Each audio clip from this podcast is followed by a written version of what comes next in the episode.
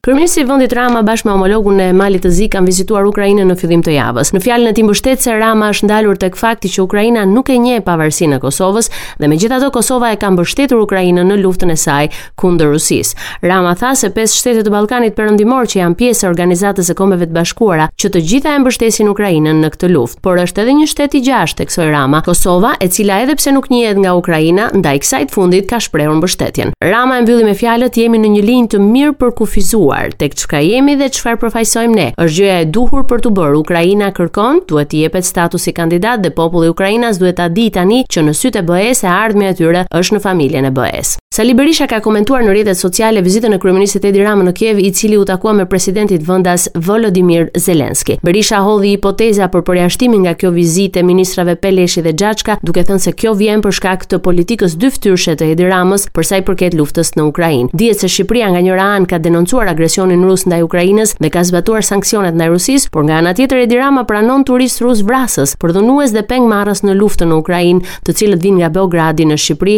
për pushime dhe energji të reja për t'u kthyer më pas në front duke vazhduar gjenocidin dhe krimet kundër njerëzimit ndaj ukrainasve. Përveç kësaj, Rama në shkelje të sanksioneve ka lejuar ankorime misterioze të anijeve ruse në portet tona. Këto bisedime nuk mund t'i dëgjonin Peleshi dhe Xhaçka, sepse pa u kthyer në Shqipëri gojët e tyre që nuk mbyllen kurrë do të zbardhnin çdo gjë.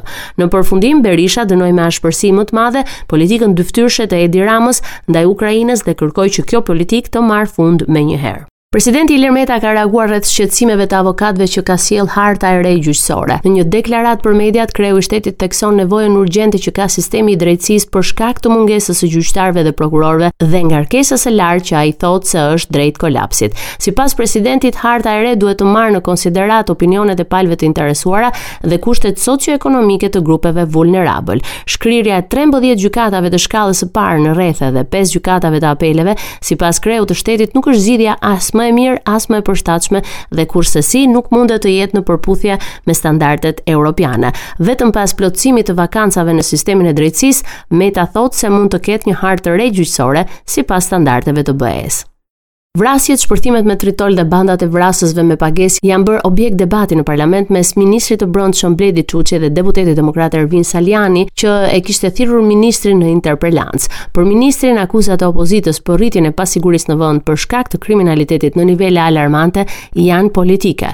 Deputeti Salianji e akuzoi mazhorancën edhe për dështim në ligjin me OFL, dhe se u goditën vetëm ato segmente të krimit që nuk u përdorën për fushatë nga socialistët, por ministri tha se shifrat flasin për rezultate të suksesshme. Çuçi dhe Salianji debatuan edhe për vetingun në polici që sipas opozitës ishte një dështim, por ministri tha se bazuar edhe në propozimet e organizatave ndërkombëtare, do amendohet ky ligj për të reduktuar vetingun vetëm tek funksionarët e uniformave blu. Kryeministri Edi Rama është shprehur këtë të premte që nëse bashkitë nuk përmbushin detyrimet financiare në raport me disiplinën financiare, qeveria do të marrë masa duke i marrë ato nën administrim. Sipas tij, në këtë mënyrë funksionon e gjithë bota.